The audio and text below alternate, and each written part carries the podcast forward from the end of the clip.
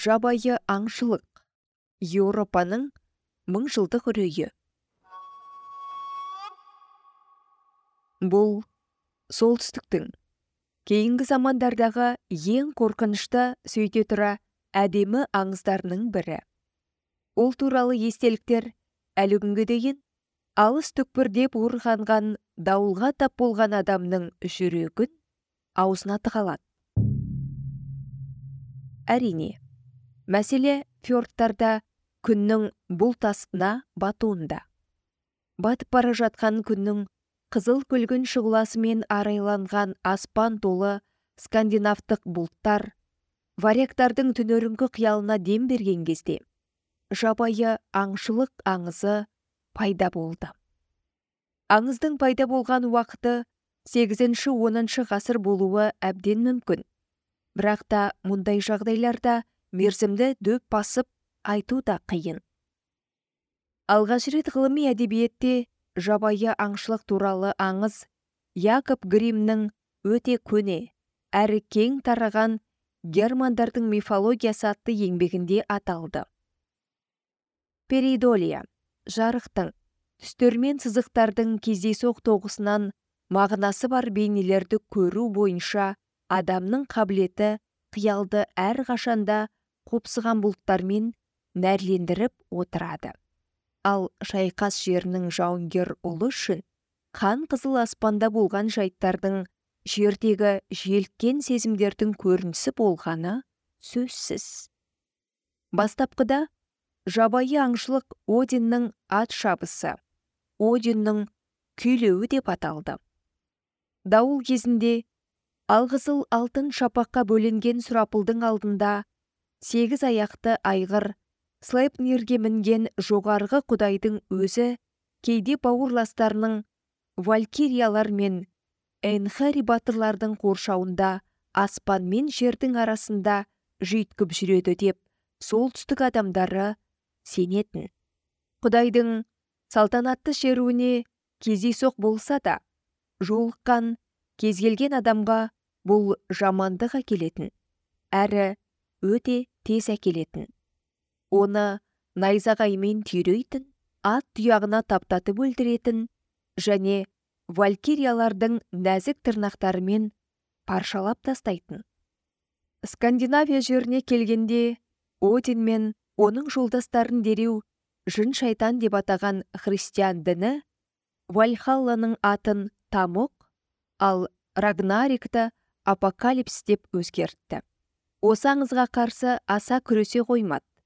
Керісінше түрлі қауесетпен отқа май қойып отырды. Мысалы жын шайтанға шоқынбаған жандардың үстінен билік жүргізуге рұқсат берілген. Сөйтіп олар жердің үстінен ұшып жүріп құдайсыздарды соның ішінде нәрестелерді іздеп тауып алып тура тозаққа айдайды-мыс немесе олжасын тасадан тіпті төсектен де қақшып алып қорқынышты түрде қарқылдап күліп пештің мұржаларынан сыртқа ұшып шығадымыз. Тіпті қабірге де жасырыну мүмкін емес. Өйткені қара ат күнәлі марқұмның моласының үстінде қабір тасты тұяғымен талқандайды да бозарған мәйітті ер тоқымына көлденең артып алады. Шамасы бұл аңыз шоқынған адамдардың санының көбеюіне септігін тигізсе керек оның көптеген елдерде құбыжық ретінде пайдаланыла бастағаны ғажап емес. Шыны керек ресми рим оны ресми түрде ешқашан қабылдамаған бірақ сонымен қатар оны аса дауламаған да. Жабайы аңшылық деген атпен аңыз бүкіл еуропаға британдық аралдардан бастап славян жерлеріне дейін тарады. Ол жерде қара олжа деген атауға ие болды. Оған сілтемені мысалы жуковскийдің бір кемпірдің қара атқа екеулеп мінгені және алдында кім отырғаны суреттелетін баллада деген туындысынан табуға болады. Сонда олжасы бар атқа жау кенет қарғыды сонда мәйіт зарлап қоя берді де түтін мен күлді көтеріп ат тұра шапты.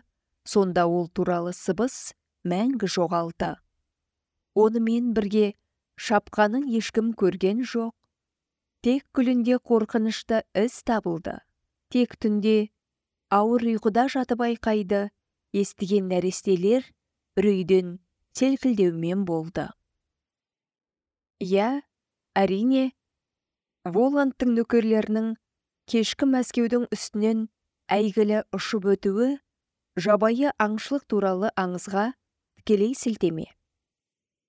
Егер осы аңыз туралы барлық ұғымдарды бір жерге тоғыстыратын болсақ біз кейде белгілі бір күнтізбе күндері мысалы вальпурги түнінде немесе хэллоуин кезінде не ай толған кезде қандай да бір жаһандық қасірет алдында жын шайтан тозақтан сытылып шығып қара аттарға мініп жердің үстінен олжасын тіміскілеп ұшатынын білеміз. Оларды әзәзілдің өзі ертіп жүреді. Аттардың қасында мұстандар шыңғыра жүйткіп ұшады. Түн әулиеті геката сүйектегі көз ұясымен жерге үңіледі. Тозақ төбеттерін қарғы бауға байлап баранат мінген денни сайтан шауып келе жатады. Жабайы аңшылықтың тұзағына түскен адамдар әуелі ештеңені көрмейді. Тек алыста иттердің үргенін түсініксіз ысқырық пен күлкіні ат тұяғының дүрсілін естиді. Жанынан көзге көрінбей өтіп бара жатқан салт аттылардан ескен желдің лебін сезеді. Бірақ егер ашық аспан астында тым ұзақ тұрсаң маскүнемдік пен құмарпаздық сияқты арыңды былғаған бірқатар күнәларың болса онда бір тамаша сәтте түнгі бұлттар қақ айырылады да бұлдыр көлеңкелер айқын пішінге ие болып жабайы аңшылықтың бүкіл сұлулығын көресің. Оның отты найзаларының кімді көздейтінін болжап көренді. Жабайы аңшылар кімді аулайды? Шоқынбағандарды. Күнәһарларды тіпті жай ғана кешеуілдеген. Жаны аса таза емес жүргіншілерді аулайды. Бұл орайда қиял-ғажап аңшылардың әрқайсысының өзінің атқаратын жұмысы бар. Кейбіреуі пәктігін сақтамаған қыздарды орманның ішімен қуғанды жақсы көреді. Бұл ретте олар қорыққан қызды орман тоғайлы жермен қашып тікенекті бұтақтарға киімінің жыртықтары ілініп қуғыншылардың алдында тір жалаңаш қалғанша жүгіруге мәжбүр етеді. Кейбіреуі маскүнемдерді есінен айырады. Үшіншілері әділетсіз судьяларды жазалайды. Төртіншілері ұзын найзаларын қарсы жолыққан кез келген адамға немқұрайлы сұға береді. Негізгі қатысушылар әзәзілдің өзі салттылар шеруін басқаруы мүмкін. Бірақ кейде жабайы аңшылыққа жергілікті санаттағы атақты адамдар да шығады. Мәселен француздардың кейбір ертегілерінде жабайы аңшылықты жиль басқарған. Негізінен атақты қарақшы мырзалар бір кездері өздері қорқытып үркітіп ұстаған аумақтарда осындай халық аңыздарының кейіпкерлеріне жиі айналатын. Беларусь жазушысы владимир караткевичтің стах патшаның жабайы аңшылығы повесінде аңшылықты басқарушы ескіде болған көтерілістің сатқындар өлтірген жетекшісі стах патша ал шынында әлеуметтік реализмнің барлық стандарттарына сәйкес повесте барлық тылсым хикая ақыр соңында шын зұлымдардың тіміскі әрекеттері деп түсіндіріледі. Жетекшінің қашан бір топ майдандас серіктері болады олар әдетте үндемейді және бет жүздері көрінбейді. Сондай ақ аңшылыққа неше түрлі жын перілер қатысады. Аңшыларға көбінесе тозақтың тазылары жирен қасты қара төбеттері ілесіп жүреді. Сондай ақ аңшылықтың жаршылары рухтар мен елестер де болуы мүмкін. Олар аңшылық болатын күндердің алдында әлде тірілерге жақындап келе жатқан пәле жайында ескерту үшін әлде алдын ала табалау үшін молалардың иесіз қалған шіркеулердің және соған ұқсас басқа жерлердің жанында пайда болады. Шақырылған адамдар. Аңшылыққа тек жындар мен елестер ғана қатысып қоймайды. Осы аңызға әуестенушілердің пікірінше оған қатысуға шақыру билеттерін адам болып жаратылған қас күнемдер де тіпті кейде тірі залымдар да алады.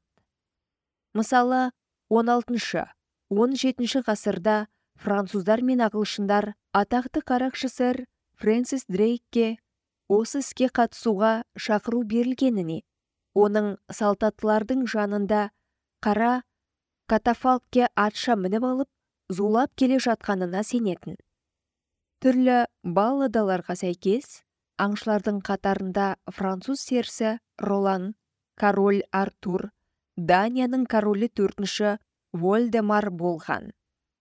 19 ғасырдың басында толып жатқан куәгерлердің айтуынша түнгі еуропада басына көпке таныс үшкіл бөрік киіп елес атқа мінген бір аласа бойлы мырза шауып жүреді екен.